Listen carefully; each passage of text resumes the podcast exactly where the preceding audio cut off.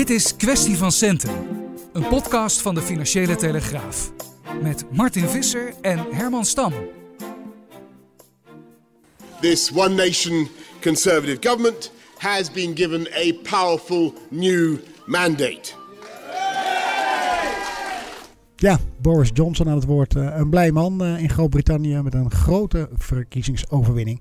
Uh, daarom hebben we Dorinde Meuselaar ook gevraagd, onze Brexit-expert op de DFT-redactie. Dat klopt. Dorinde, welkom. naast Martin natuurlijk ook welkom. Verrast het je nou ehm, hoe groot deze overwinning eigenlijk was? Want er werd in de pers vooraf geschreven van nou, het kan nog eens veel spannender worden dan we denken. Dat is niet ja, gebeurd. nou ja, eigenlijk er was wel, wel, eh, bijna iedereen ging er toch uiteindelijk wel vanuit dat Boris Johnson zou gaan winnen. Maar hij heeft een meerderheid van bijna van, van 80 zetels. En dat is toch wel een stuk meer dan, dan, dan de peilingen hadden voorspeld. Dus, dus ja, de grootte van de overwinning is wel, is wel een beetje onverwacht. Ja. Martin, de hele nacht opgebleven om dit spektakel te bekijken? Uh, nou, nee, de eerlijk, eerlijkheid gebied te zeggen dat dat niet het geval was. Ik heb wel even om 11 uur gekeken, natuurlijk toen uh, toen uh, de eerste exit poll bekend werd. En toen was het beeld meteen al, meteen al duidelijk. Dus het, was zo, het was zo overgrote meerderheid dat er weinig twijfel over was of, of dit dan ook de uitslag zou worden. Dat is ook gebleken. Ja, wat is er, uh, waar ik nou heel benieuwd We hadden het eerst over een spannende strijd, is niet zo geweest. Als je nu de campagne-strateeg bent van Labour, wat, wat hebben zij allemaal misgedaan? Waarom hebben ze zo weinig mensen naar de stembus gekregen? Nou ja, ik denk uiteindelijk dat Jeremy Corbyn gewoon toch, uh, toch niet zo heel goed lag. Um, ik, ik, sprak uh, vandaag wat, wat experts en die waren zelf ook in, in, in het VK. En die zeiden ook van nou, ik sprak bijvoorbeeld een, een taxichauffeur en die was het op alle punten eens met, met, met Labour qua standpunten, qua arbeidsmarkt, qua sociale verzekeringen. en toch stemde die Boris Johnson. En ik denk dat het voor een deel ook is omdat ja, die Brexit-discussie loopt nu zo lang. Dat referendum was al in, in 2016. Nou ja, altijd maar bakkelei. Iedere keer kwam er weer een deal, weer nieuwe verkiezingen. Mensen zijn het gewoon zat. En zelfs, de, zelfs een deel van de Remainers stemt dan maar gewoon voor Brexit. En dat zie je bijvoorbeeld ook bij uh, de, de Lib Dem, de Liberal Democrats. Mm. Uh, die hebben het heel slecht gedaan. En die profileert zich juist als een Remain-partij. Dus mensen denken van, nou ja, uh, get Brexit dan. En dan zien we wel weer verder. Ja. Uh, Martin, kunnen wij genoeg aan deze kant uh, van de Noordzee dat inzien, die, die sentimenten die in Nederland uh, leven? Nou ja, ik denk dat dat wel lastig is, want het zit natuurlijk al heel, heel diep in de vezels van veel Britten. Überhaupt ja, de, de afkeer en de weerzin tegen de Europese Unie, veel meer dan hier. Bedoel, in Nederland denken sommige mensen dat wij ook heel erg anti-Europees zijn. Nou, dat valt ongelooflijk mee. Dat blijkt ook uit alle enquêtes in Nederland. Dat, ne dat Nederlanders in overgrote meerderheid voor lidmaatschap van de EU is en voor deelname aan de euro. Uh, zelfs ook in de eurocrisistijd. En dat is aan de Britse kant echt wezenlijk anders. Dus die boodschap van uh, het heft weer in eigen handen nemen valt daar veel beter. Um, je ziet ook inderdaad ook dat, dat ook bij deze verkiezingen um, Boris Johnson ook in geslaagd is inderdaad om, om ja, traditionele Labour-kiezers naar zich toe te trekken. Dat zijn ook wel mensen in, in delen van Engeland die het gevoel hebben dat zij de dupe zijn geworden van, van globalisering, internationalisering. Dat zij verliezers zijn van de EU wellicht ook. Uh, de, de, ja, de groepen waar klassiek ge, gezien sociaaldemocraten voor op zouden komen, maar die nu allemaal dan naar, die, naar de, de Brexit-kant. Ja, Boris Johnson is natuurlijk gewoon een soort Brexit-partij geworden. Um, ja, en dat sentiment op die manier, in die mate, is er in, is er in, uh, is er in Nederland niet. Um, ja, en we hebben natuurlijk ook, ook van een afstandje natuurlijk naar het schouwspel gekeken de afgelopen drie jaar. Waarbij het ook wel moeilijk te begrijpen was waarom dus, ze, ze intern politiek gezien zo'n totale puinhoop van hebben gemaakt. Uh, dus ja, ik denk dat we dat vanaf, vanaf een afstandje ook uiteindelijk anders beleven dan, dan, dan daar ter plekke. Maar wij zijn af en toe Brexit moe, maar de Britten zelf zijn inmiddels ook Brexit moe. Dus dat gevoel, dat delen we dan weer. Dat, is ook ja. weer uh, een fijn gevoel om, om met elkaar te we delen. delen nog heel veel met Get Brexit ja. done was in dat opzicht natuurlijk een, een, een fantastische leus. Die hmm. iedereen die de Brexit stront zat was, ook een Remainer, dacht van nou, get Brexit done en weer door. Ja. Dan ben je net als uh, Boris Johnson een oud Brusselse correspondent. uh, dat heb je ook met hem gemeen volgens mij. Ja, ik verzon uh, alleen mijn verhalen niet. Dat is, dat is een klein verschil. Hij ja. had een toon van heel erg anti-EU in ja. die verhalen. Ja. Wie moeten ze eigenlijk nu in Groot-Brittannië de schuld gaan geven als er dingen misgaan? Ja, dat is wel een goede, ja. Nee, dat heb, je, dat, kijk, dat heb ik in Nederland ook wel vaak gehad. Dat het is heel makkelijk inderdaad om, uh, om uh, de EU de schuld te geven. Uh, terwijl, er, terwijl ja, als, als de EU straks de regeltjes niet maakt, dan, dan maakt het eigen land dat wel. En soms was het ook zo, want ook Boris Johnson is daar eerder ook wel eens de mist mee ingegaan. Dat hij van bepaalde rare regeltjes de, Brussel de schuld gaf. En dan bleek het gewoon eigen regels te zijn. Nou ja, dus in die zin zullen de Britten ook wel deels van de koude kermis thuiskomen. Het is natuurlijk feitelijk natuurlijk waar dat als je geen soevereiniteit meer hoeft af te dragen of te delen met Brussel, dat je alles in eigen huis bepaalt. Maar ja, ook, ook de, weet ik veel, de, de, de, de Londense overheid, de Britse overheid, op, welke, op welk niveau ook. Er worden altijd regeltjes geproduceerd waar mensen last van kunnen hebben, waar ondernemers last van hebben.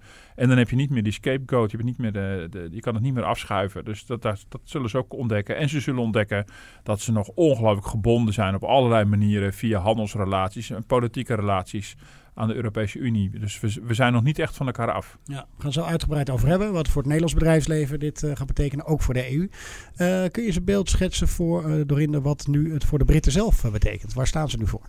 Nou, ten eerste, ze, ze, zijn er nog niet uit. Hè? om even de tijdlijn te schetsen. 31 januari is Brexit, een, een, dan, dan gaan ze eruit. Dan is Brexit een feit. Maar dan verandert er vooral da, nog dat, helemaal... is, dat, is, dat gaat gewoon gebeuren. Ja, ja. dat gaat gebeuren. Mm. Dat, dat, ik zie het echt niet gebeuren dat daar nog een keer uitstellen. Dat is ook helemaal nergens voor nodig. Uh, Boris Johnson heeft nu een grote meerderheid. Hij heeft een deal. Dus, hij, heeft, uh, hij, heeft, voor de, hij heeft, uh, voor de verkiezingen heeft hij al een, een, een, scheidingsovereenkomst met de EU onderhandeld. Hij heeft nu een grote meerderheid in het parlement. Dus nog voor kerst wil hij dat in stemming brengen. Nou, kan, ja, er wordt op gerekend dat, dat ze er dan mee instemmen. 31 januari is de Brexit deadline. Kunnen ze eruit. Dan verandert er nog niks, want dan gaat er een transitieperiode in. Die duurt tot eind 2020.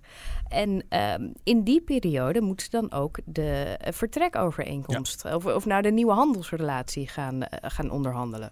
En dat wordt nog wel heel erg spannend. Want hij heeft een scheidingsovereenkomst eigenlijk zonder over de inboedel en dat soort dingen te hebben gesproken. Nou ja, in die scheidingsovereenkomst zijn dingen afgesproken hoe dat geregeld moet worden met de grens met Noord-Ierland, de financiële afwikkeling van het vertrek, uh, rechten van EU-burgers in het VK en, en andersom, dat soort dingen. Maar ja, over handelsrelaties in de toekomst, dat, dat moet allemaal nog uitgezocht worden en dat wordt een hele grote klus.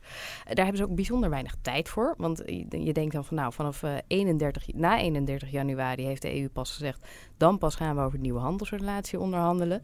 Dan op 1 juli is er dan een eerste deadline. En dan moeten ze een beetje gaan peilen van nou, hè, schieten, we, schieten we een beetje lekker op of niet. Als ze niet genoeg opschieten, dan moet die transitieperiode nog eens twee jaar verlengd worden. Nou, Boris Johnson heeft al gezegd van nou, ik wil het binnen die periode doen. Dat is dus feitelijk vijf maanden. Want daarna moeten al die EU-lidstaten, die moeten er allemaal ook nog eens mee instemmen. Nou, dat is ook een proces dat, dat een aantal maanden duurt. Dus je hebt maar vijf maanden voor een handels, uh, handelsverdrag. En dat zie ik, ja, dat, ik zie hem dat niet worden. Uh, Michel Barnier, dat is de hoofdonderhandelaar van de EU, die heeft al gezegd, nou ja, daar heb je drie tot vier jaar mee nodig. En, en, voor nodig. en het is een Fransman, hè, wat het extra pikant maakt, misschien voor de Britten of niet? Nou, de, de, het zal, het zal de, de, de sfeer misschien geen goed doen. Mm. Um, nou ja, dan heb je. Uh, kijk, als je kijkt naar het laatste handelsverdrag dat de EU heeft onderhandeld, dat was met Canada. Daar is zeven jaar over gedaan. En dat gaat uh, eigenlijk vooral over het vervoer van goederen en niet eens van diensten. Terwijl uh, de Britse economie is een heel erg een diensteconomie. Dus zo'n verdrag zou no met, met de Britten zou nog veel omvattender moeten zijn. Ja, dat zie je niet in dat, mm. dat red je niet in vijf maanden. Wat is voor ons als Nederlandse onderhandelaars? Je zit al een beetje aan de zijtafel, neem ik aan. Want het gaat eerst met de EU rechtstreeks. Maar waar, mm -hmm. waar moeten wij heel erg op letten als Nederland zijn? Nou, Nederland is wel een van de landen die het meest geraakt wordt door Brexit. Het is onze derde handelspartner, dus wij hebben veel meer met de Britten te maken dan Italië, Zwitserland, eh, noem maar op. En um, ja, voor Nederlandse ondernemers is er nog steeds heel veel onzeker. Want, nou ja, kijk, eh, die transitieperiode, die, die staat dan vast, dat is fijn. Maar daarna is er nog steeds een harde Brexit mogelijk, bijvoorbeeld. Want Boris Johnson heeft gezegd van, nou, wij willen binnen die transitieperiode, um, willen wij een deal en anders gaan we er alsnog uit. heb je alsnog een harde Brexit. Dus moet je als bedrijf kun je, moet je daar nog wel een beetje rekening mee houden. Er wordt er ook wel gezegd van, nou ja, in de praktijk uh, zal, die, zal Johnson daar heel pragmatisch mee omgaan. Want uh, hij heeft ook uitstel voor, uh, voor de Brexit-datum zelf aan moeten vragen. Terwijl hij daar van tevoren zei van, nou, ik lig nog liever dood in een greppel. En hij ligt niet dood in een greppel, hij heeft gewoon de verkiezingen gewonnen. Dus ook die transitieperiode zal die wel een beetje opschuiven. maar nou, Nederlandse bedrijven moeten dus nog steeds rekening houden met die harde Brexit. En um, ja, voor de rest is het nog steeds een beetje lastig voorbereid. Dus als jij denkt van, nou, ga ik investeren investeren? Ga ik bijvoorbeeld mijn supply chain, hè, als dat nou voor een deel in, in het Verenigd Koninkrijk is en een, voor een deel in Nederland, moet je gaan kijken van nou hoe wil ik dat gaan inrichten. Dus ja, daar, eh, bijvoorbeeld de visserij is ook een hele belangrijke. Um, is ook een sector die heel veel met Brexit te maken heeft. Want 35% van Nederlandse vis wordt in Britse wateren gevangen. Mm en misschien gaan de Britten wel zeggen van nou, dat willen we helemaal niet meer. Of je moet een, je moet, moet een heffing betalen als je daar wil vissen. Dus dat zijn allemaal dingen waar bedrijven rekening mee moeten gaan houden. Maar ze weten nog niet hoe dat eruit ziet. We hebben ook nog een rekeningetje als EU openstaan volgens mij met de Britten, toch? Die moeten nog een gedeelte betalen. Nou ja, dat zit ook in die scheidingsovereenkomst. Okay. Daar is natuurlijk ja. afspraken over gemaakt. En dat werd af en toe door Boris Johnson ook als een soort dreigmiddel gebruikt. En dat betalen we gewoon niet. En daarom in die fase... Wat gaat om? 40? Ja, 40 miljard ja? mijn hoofd, ja. ja. Uh, in die fase zag je dus ook dat de EU er alles aan deed aan, aan hun zijde... Uh, uh, het front gesloten te houden. Want daar ging het inderdaad over van hoeveel geld krijgen we nog van de Britten. Wat regelen met die, die Ierse grens. hoe lang is een transitieperiode. Ook even op procedurele afspraken. maar je hebt natuurlijk best kans dat, dat als je op een gegeven moment echt een handelsverdrag gaat sluiten dat dan op een gegeven moment op een zeker moment de rijen niet meer gesloten zijn. Want dan gaat het om heel specifieke belangen. Nou, Dorinda noemt bijvoorbeeld visserij. Ja, dat kan dan Nederland aangaan. En de Polen zullen denken van nou, kan mij, die vissen schelen? Mm die hebben misschien weer andere uh, dingen. Misschien hebben de Polen weer niet zo heel veel te schaft mee. Maar goed, elk land heeft dan zijn eigen economische belang of belangetjes. En dat zag je bij andere handelsverdragen ook. Een periode gehad dat... Uh, is het Canadese verdrag heel moeilijk lag omdat de Walen tegen waren. Uh, dan heb je nog, nog een regionale overheid. Um, dus het zal voor de Britten, dat, dat zal ze nog vies gaan tegenvallen. Um, dat het echt nog niet zo heel erg eenvoudig is om zo'n groot handelsakkoord te, met de EU af te sluiten. Ja, omdat ook gebleken is het afgelopen jaar dat met andere landen ook heel moeilijk lag. Canada gaan de stemmen op alle poosje in de Tweede Kamer om dat misschien weer helemaal te blokkeren. Uh, dus, dus de tijd voor handelsverdragen is ook niet echt heel gunstig. Um, er is toch vrij veel argwaan binnen allerlei Europese uh, in, in Europe Europese politiek, vooral bij de landelijke politiek van Europese uh, landen, om van zulke afspraken te maken. Want ze toch bang zijn dat we dan ja, uh, allerlei praktijken uit bijvoorbeeld Amerika gaan importeren. allerlei milieustandaarden die ze daar toepassen die wij liever niet willen hebben. Dus het zal nog een hele kluif worden om dat, om dat te doen. En tegelijkertijd wil Boris Johnson dolgraag met Donald Trump in de weer. Ja, precies. Want die heeft zijn uitnodiging al klaar, toch? Idem, idem dito. Ik bedoel, Donald Trump stond ook aan zijn zijde bij de, bij de Brexit. Omdat Trump, uh, nou dat weten natuurlijk, uh, ja, wel denkt te profiteren van een gespleten Europees front. Dat waagt te betwijfelen overigens, maar goed. Um, uh, en dan was hij nog een partner. Maar straks staan ze gewoon tegenover elkaar als ze een handelsverdrag moeten sluiten. Dus dat risico loop je. Dus het is nog echt nog een hele kluif. Waarom betwijfel je dat? Of Trump inderdaad een soort weg kan drijven in Europa? Nou ja, ik, ik betwijfel niet dat hij dat kan. Maar ik, ik, vraag me af of hij er heel veel belang bij heeft. Ik bedoel, je merkt dat hij, dat, hij, uh, dat hij graag verdeeldheid zaait binnen de EU, binnen de NAVO. En uh, dat is vaak om wat, wat, wat hele specifieke eigen doelen te, te, te, zien te bereiken. Maar ik denk voor de langere termijn ook Amerika er belang bij heeft dat er gewoon een stevige uh, Europese bondgenoot is. Daarom denk ik dat voor de korte termijn denkt uh, hij, hij, stookt graag een beetje intern. Maar mij lijkt dat niet zo logisch eerlijk gezegd. Maar goed, dat is zijn strategie. En straks dan staat hij tegenover Boris Johnson een handelsverdrag te sluiten. Um, ja, en dan komen er gewoon uh, keiharde zakelijke belangen. En dan gaat het om echt harde dollars en harde ponden. Uh, en dan wordt het spel echt heel anders voor Boris Johnson dan tot nu toe. Ja. Heeft hij uh, voor die Europese onderhandelingen een speciale de, de, de chefmacher benoemd... die dat soort onderhandelingen moet doen namens de Britten? wil hij zelf dat vooral de kar gaan trekken? Hoe, hoe werkt zoiets?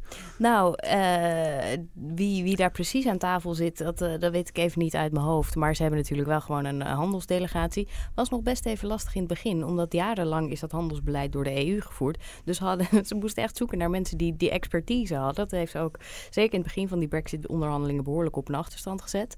En eh, wat Martin ook al schetst, ja, het wordt heel spannend waar de, waar de Britten straks het zwaartepunt gaan, gaan leggen in dat nieuwe handelsverdrag met de EU. Gaan ze dan uh, dicht blijven ze dicht tegen de EU aan? Of zoeken ze toch meer de VS op?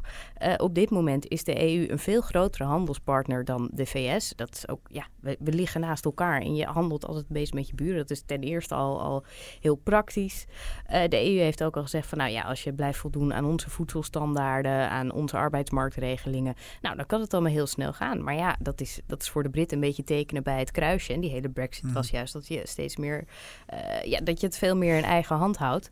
Dus ja, dan zouden ze wat meer naar bijvoorbeeld de VS kunnen opschuiven. Maar ja, dat, dat, dus ja, eigenlijk ligt ze nu een beetje, een beetje op, op ramkoers met elkaar. En ik ben heel benieuwd waar, de, waar ze uit gaan komen wat gokken jullie? Welk handelsverdrag is er eerder? Die met Amerika of die met Europa? Met de EU. Ja, ja dat, dat, daar, daar zijn ze natuurlijk al heel lang uh, mee aan het praten. Er is van oudsher al een, uh, al een hele belangrijke handelsrelatie. Is ook een belangrijker blok voor de Britten. Dus ik, ja, economisch gezien zou het veel logischer zijn om daar, uh, daar eerst mee aan de slag te gaan. Maar ja, bij die Brexit spelen niet alleen maar economische belangen natuurlijk. Ja. Zie je dit nog helemaal klappen tot een no-deal uiteindelijk? Want... Alles kan in het dossier, dat weet ik. ja. ja, wat een voorspelling ook waard zou zijn. Ik bedoel, Natuurlijk kan dat heel goed. Ik bedoel, het is heel goed mogelijk. Ik bedoel, wat ik net al schetste. Bedoel, dan, dan komen al die economische belangen van al die verschillende lidstaten gaan natuurlijk opspelen. En uh, nu gaat het er pas echt om. Dus in die zin was die vorige deel uh, nog redelijk eenvoudig. Behalve dat die, dat die Ierse grenskwestie natuurlijk wel uh, erg ingewikkeld was. Um, en nu gaat het om die harde economische belangen. Dus natuurlijk kan dat heel makkelijk. Ik bedoel, uh, als er ergens weer een parlement gaat stijgeren, mm. ja, dat, best wel in, dat kan een heel ingewikkeld Johnson proces heeft nu ook veel meer zelfvertrouwen, lijkt me. Want hij heeft een, een, ja, nou, een hele mooie meerderheid achter zich staan. Natuurlijk. Dat, ja. dat wordt, ik denk dat, ik ben ook benieuwd wat voor toon die vanaf nu gaat aanslaan. Want tijdens uh, de verkiezingen was hij natuurlijk een hele harde, harde Brexiteer. Omdat hij dat deel van de, van de achterban, van zijn eigen partij, van dingen als de Brexit Party. Die moest hij natuurlijk allemaal zorgen dat, dat ze op de conservatieven zouden stemmen. Maar als je kijkt naar hoe hij was als burgemeester van Londen, daarvoor was hij veel liberaler. Was hij wat, eh, nou, misschien ook pragmatischer. Dus ik denk ook dat hij nu, nu die niet meer die verkiezingen hoeft te winnen, dat hij ook, wat, uh, ook een andere toon kan gaan aanslaan. En omdat die meerderheid van 80 zetels is echt heel groot. Nou, hiervoor hè, met Theresa May, die, die, zat ook, uh, die had die hele harde Brexit-achterban, die, die research group met Jacob Rees-Mogg. Daar hoeft Boris Johnson met zo'n meerderheid ook vinder, veel minder rekening mee te mm -hmm. houden. Ja, dus gaan we echt meer iets van hemzelf zien, wat hij echt zelf vindt? En... Nou, dat, dat denk ik wel. En ook mhm. een, een, een wat, wat andere toon. Kijk, wat, wat de dingen die hij nu heeft gezegd, is natuurlijk ook voor een deel voor de bühne. Van nou ja, ik lig nog liever dood in die greppel. Mhm. Het is natuurlijk beeldspraak. Dat is ook om, om die druk op de EU erop te houden. Maar ja, achter de schermen zal, uh, moet hij ook wel een deel toegeven. Want de Britse economie, dat is de, de, de vijfde economie uh, van de wereld, zeg ik even uit mijn hoofd. Maar dat is wel echt een stukje kleiner dan de EU als geheel. En ja, in onderhandelingen, de kleinste partij moet altijd het meeste toegeven. Ja, helder. Uh, onze eigen premier Rutte, die was in Brussel uh, bij een Europese top met al zijn collega's. Uh, ik wilde eventjes luisteren naar een fragment dat hij eigenlijk reageert op deze uitslag. Ik heb hem ge-sms'd en gefeliciteerd met zijn overwinning. Bent u blij, opgelucht dat hij zo'n grote overwinning heeft behaald? Nou, dat vind ik niet passend. Ik denk dat het helpt om nu het Brexit-proces ook tot een goede conclusie te brengen. Hè? Dat er eindelijk besloten wordt aan de Britse kant om nu ook door te gaan.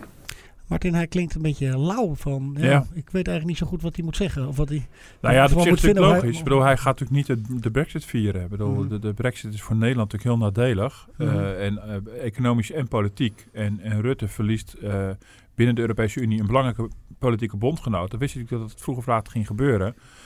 Dus hij is natuurlijk blij met de duidelijkheid. En hij is mm. ongetwijfeld ook blij dat er gewoon een dat er een absolute meerderheid is, waardoor die totale verdeeldheid in de Britse politiek ook ten einde lijkt te zijn. Uh, dat maakt het makkelijker onderhandelen, zeg maar. Maar hij gaat niet de vlag uit. Uh, bij hem gaat natuurlijk niet de vlag uit. Uh, al was het alleen maar om ook niet het eventuele negatieve sentiment in Nederland te, te, te mm -hmm. voeden. Ja, had ze liever, natuurlijk veel liever erbij gehad. Ja. Dit is echt een soort second best. Als ze er dan toch uitstappen, nou dan maar met die klinkende overwinning en dan maar gewoon weer door met elkaar. Ja. Maar uh, nee, dat, dat zijn zijn reserves. Maar had hij nog stiekem gehoopt op een overwinning van Labour? Of? Nou, dat weet ik niet. Maar dan was ook heel, dat was ook heel ongewis geweest. Dat was ook geen politieke bondgenoot van hem per se, denk ik. Daar was Corbyn toch een beetje te links voor. Mm -hmm. en in de inzet van Corbyn was ook niet Remain, maar de inzet was natuurlijk een nieuw referendum. Um, en hij bleef daar ook heel vaag op, ja, wat, wat zijn strategie ja. zou zijn. Ja, dus ik denk, ik denk dat, dat de Europese leiders opgelucht ademhalen dat er nu echt een hele duidelijke uitslag ligt. Want Theresa May heeft natuurlijk in, in haar periode natuurlijk ook eens een keer tussentijdse verkiezingen uitgeschreven. En dat werd een drama, want toen werd de verdeeldheid alleen nog maar groter. En dat was voor de Europese Unie ontzettend on, onhandig onderhandelen natuurlijk met zo'n ja, heel onbetrouwbare partner. En, uh, en ik bedoel, partner in de zin van een verdeeld parlement. En nu is het parlement als het goed is niet meer verdeeld. En daar kan, uh, kan Rutte nu even mee verder. Ja. Ja, het is van Johnson zelf, uh, wat je ervan vindt, uh, toch een soort huzarenstukje. Kan Zeker. je ook op die manier zien? Ja, absoluut. Dat is natuurlijk heel slim gedaan. Zeker. Ja. En het was in die zin een gok. Ik bedoel, Theresa May heeft eerder gegokt en totaal verloren. En die maakte zichzelf alleen maar moeilijker. Boris Johnson heeft de gok genomen en heeft inderdaad absoluut gewonnen. Met die Get Brexit Done was natuurlijk een simpele, maar een, een briljante inzet van de verkiezingen. Dat, het was alleen maar dat, dat mantra werd alleen maar herhaald. En uh, uh, het was natuurlijk gewoon heel duidelijk. En daarmee konden dus zelfs mensen die twijfelden aan de brexit of dat liever niet wilden, zelfs over de streep ja. worden getrokken. En dat is natuurlijk heel slim gedaan. En hij had het geluk dan dat zijn tegenstander Ehm, ja, ook nogal belabberd was. Uh, Jeremy Corbyn, uh, toch wel niet, niet bepaald geliefd, inderdaad op de brexit, niet echt heel erg duidelijk en uitgesproken. Dus in die zin is dat heel goed. En dat, in die zin is die uitslag ook heel gunstig. Dat je in ieder geval dus nu een meerderheid hebt in het parlement. Uh, wat natuurlijk wel, het blijft natuurlijk wel een totaal verdeeld land. ook over die brexit. Ik bedoel, het ziet ernaar uit dat Boris Johnson in een absoluut aantal stemmen gewoon net onder de helft blijft. Dus, dus 45% ongeveer. Dat betekent dus dat meer dan de helft van de, van de stemmers van, uh, van de verkiezingen dus helemaal niet zo pro-Brexit is. Dat komt allemaal door het districtenstelsel. Dus het land blijft gewoon heel erg verdeeld. En dan is het toch wel fijn dat in ieder geval de, dat de politieke leiding of de, de, grootste partij ook echt dermate groot is. Dat je ook gewoon een eenduidige koers kan uh, uitzetten. En wellicht dat, is dat weer een eerste stap op het weer verbinden van, van het land. Want ja, ik vond het de afgelopen drie jaar zo lelijk uitzien dat je dacht van nou gaat, gaat de Britse politiek het wel overleven? Ik bedoel, waar, waar gaat het uitkomen? Dus in die zin is, is het gewoon echt alle belang bij dat ze 31, augustus, 31 eh, januari eruit stappen. En dan, die, en dan uh, aan de slag gaan met die handelsdeal. Want, want anders was het echt ook heel slecht voor het land en voor de Britse politiek geweest. Ja. Nou ja, daar wil ik nog wel één kanttekening bij plaatsen. Hè. Over, over Brexit is nu meer duidelijk geworden. Maar dat is ook het enige, enige issue waar, waar, waar zo ongeveer campagne op gevoerd is. En uh, er is natuurlijk wel iets van zijn politieke agenda. Heel klein beetje gezondheidszorg, maar dat was het ongeveer wel. Hè? Ja, ja, ja. De, dat jongetje dat op die jassen sliep uh, urenlang en heel ziek was en een infuus. Nou, en, en nou, daar ging, ging Boris Johnson een beetje onhandig mee om. Maar het heeft hem niet geschaad. Maar de vraag hoe de rest van, uh, van het land er, dan uit gaat zien. Hoe het zit met, met bezuinigingen. Hij wil wel wat meer uh, uit gaan geven. Maar ja, dit was echt een heel erg one-issue campagne. Dus, dus ja, of, dat, of dit het land verder bij elkaar brengt qua, qua binnenlandse politiek, daar ben ik ook wel benieuwd naar. Ja.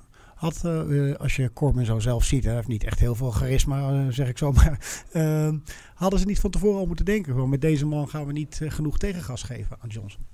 Nou, uh, hij is bij een, een, een, klein. Hij heeft, hij heeft best, wel, best wel momentum gehad. Want uh, toen hij werd gekozen tot partijleider, was het was een beetje het idee van. Nou, hij, hij gold als, als, als heel erg links. Heeft die, uh, die Labour-partij heeft onder hem ook best een, best een ruk naar links gemaakt.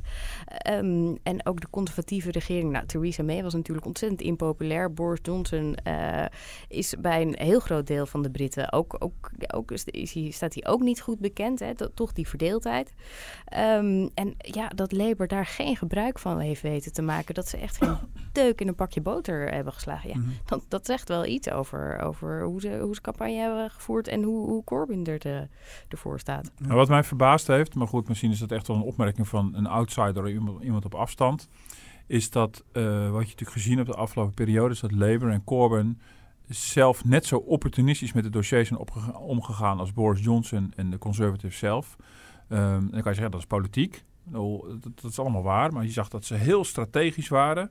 Um, uh, dat, en nou, om die reden bijvoorbeeld ook zich niet echt hebben uitgesproken over de brexit, maar dan wel de, de mogelijkheid geopperd hebben van een tweede referendum. Uh, dat ze heel strategisch gekozen hebben welke momenten ze het Boris Johnson moeilijk konden maken. Um, nou, dat op zich is dat een normale politieke proces, zou je zeggen.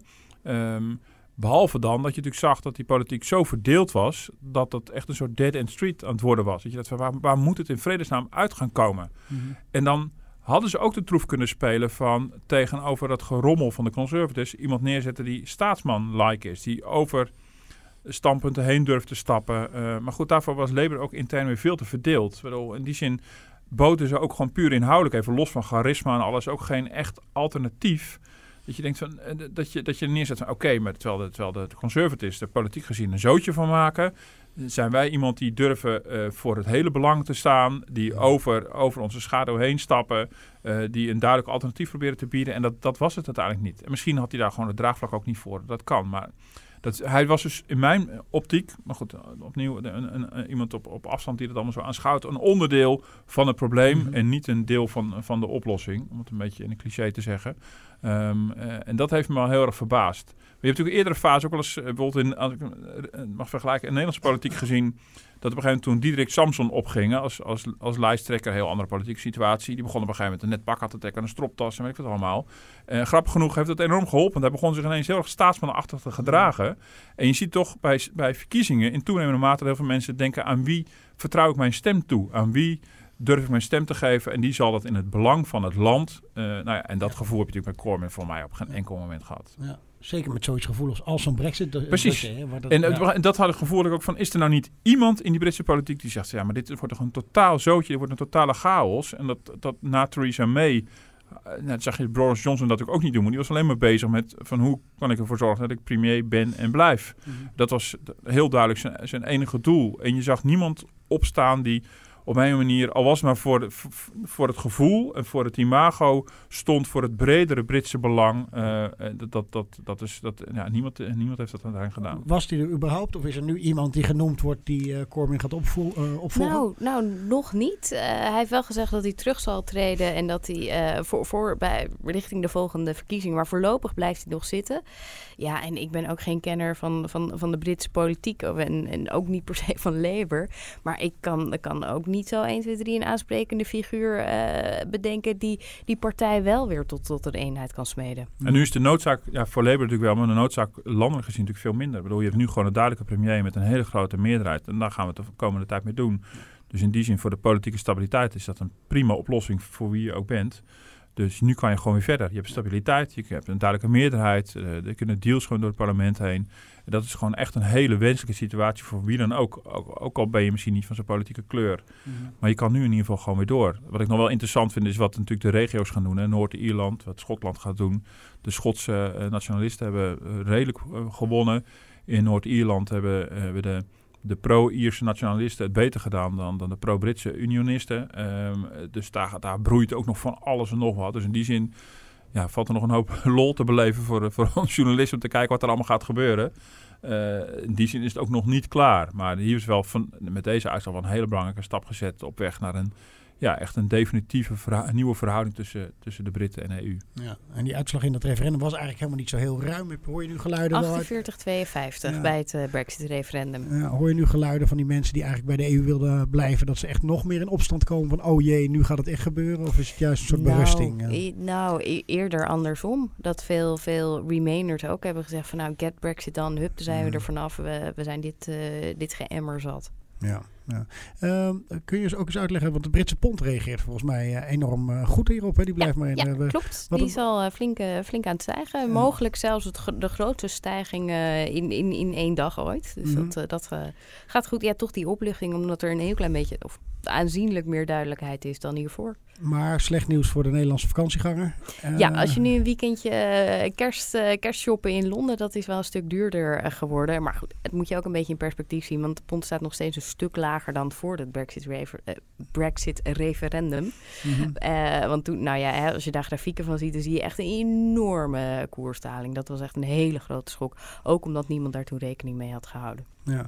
Eh, Martin, een andere vraag voor jou. We hebben het hier vaker over gehad. Nederland trok eh, in het verleden wel vaak op met Engeland, eh, Ja. met de Britten in eh, Brussel. Eh, wat worden een beetje de nieuwe bondjes? Nou ja, je ziet ook al de... de eh, Hansenliga, de- Ja, de? Hansenliga. Eh, en dan, eh, dat vindt Nederland voor mij heel fijn, maar dat zijn ze ineens de grootste van al die kleintjes.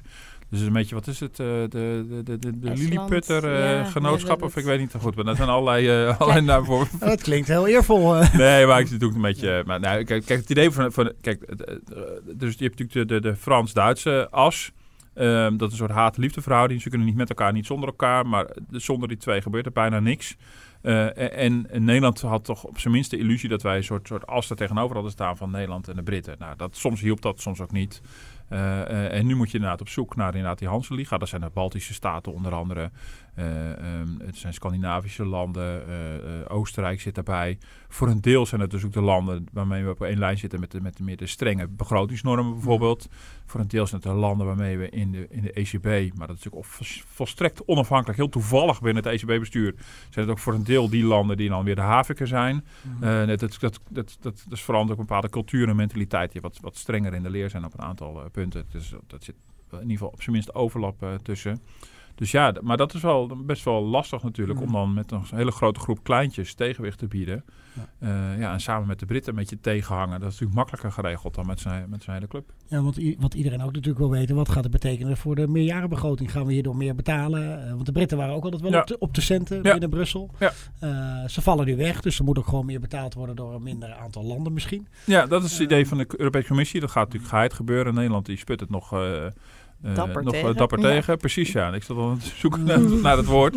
Nee, ja, de gedachte van de Europese Commissie is van... eh, Uh, ja, we, we, hebben minder landen, maar we hebben meer te doen. We hebben meer, meer ambities, wat op zich klopt rondom klimaat en veiligheid en, en, en noem ze maar op, digitale economie en wat niet al. Uh, dus dat is allemaal waar. En hun uitgangspunt is dat, dat, dat de begroting niet per se NAVO-land kleiner wordt als er een lidstaat uitstapt.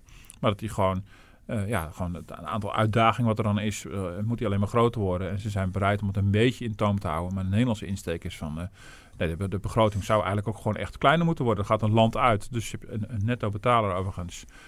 dus dat is nog een heel gevecht en dan zijn we nog voorlopig nog niet klaar. En nou, Nederland zat daar in een, in een clubje van, van de zuinigers, een land of vijf. En daar zat Duitsland dan ook weer bij. En Duitsland is in die zin Um, uh, hoewel een HAVIC ook in monetair opzicht en streng in de leer wat betreft begrotingsregels ook een moeilijke partner, omdat Duitsland het grootste land er toch uiteindelijk vaak voor kiest om toch constructief te zijn. Omdat weet, Duitsland weet van ja, ze, ze, ze zijn niet geneigd, gek genoeg, om hun rol te misbruiken. Bedoel, ze zijn de grootste en uh, puntje bij paaltje voelen zich dan vaak heel verantwoord, uh, ver, verantwoordelijk. dus heeft Nederland eigenlijk meer aan die paar kleine keffertjes dan aan het grote Duitsland, uh, die uiteindelijk vaak niet heel erg uh, doordouwt in hun eigen lijn, maar dan liever het bondje met Frankrijk zoekt om de lieve vrede wil, want dan kan je weer door. Dus voor Nederland wordt het nog een hele kluif inderdaad. En is het financieel ook echt slecht nieuws, want waren het alleen maar... De Britten hebben een korting natuurlijk onder Thatcher al bedongen destijds. En dit is voor de Europese Commissie een reden om het hele kortingssysteem overboord te gooien. Dus het miljard van, van Gerrit Salm zijn we dan ook kwijt. Mm. Uh, ja, dus dat is een hele praktische, concreet gevolg ook van die brexit. Ja. Ik wil je danken voor je tijd, want uh, jullie zijn heel druk met allerlei verhalen. Door in de, ook nog met uh, handelsverdrag China, ECB, Amerika. echt bal in mijn dit, portefeuille. ga je veel en Martin heeft een heel mooi interview met minister Wiebes in de krant ja. vanmorgen, waar je nog even verder mee aan de slag moet. Zeker. hartelijk dank en tot volgende week. Ik zeg er nog even bij dat we ook te beluisteren zijn op iTunes en op Spotify.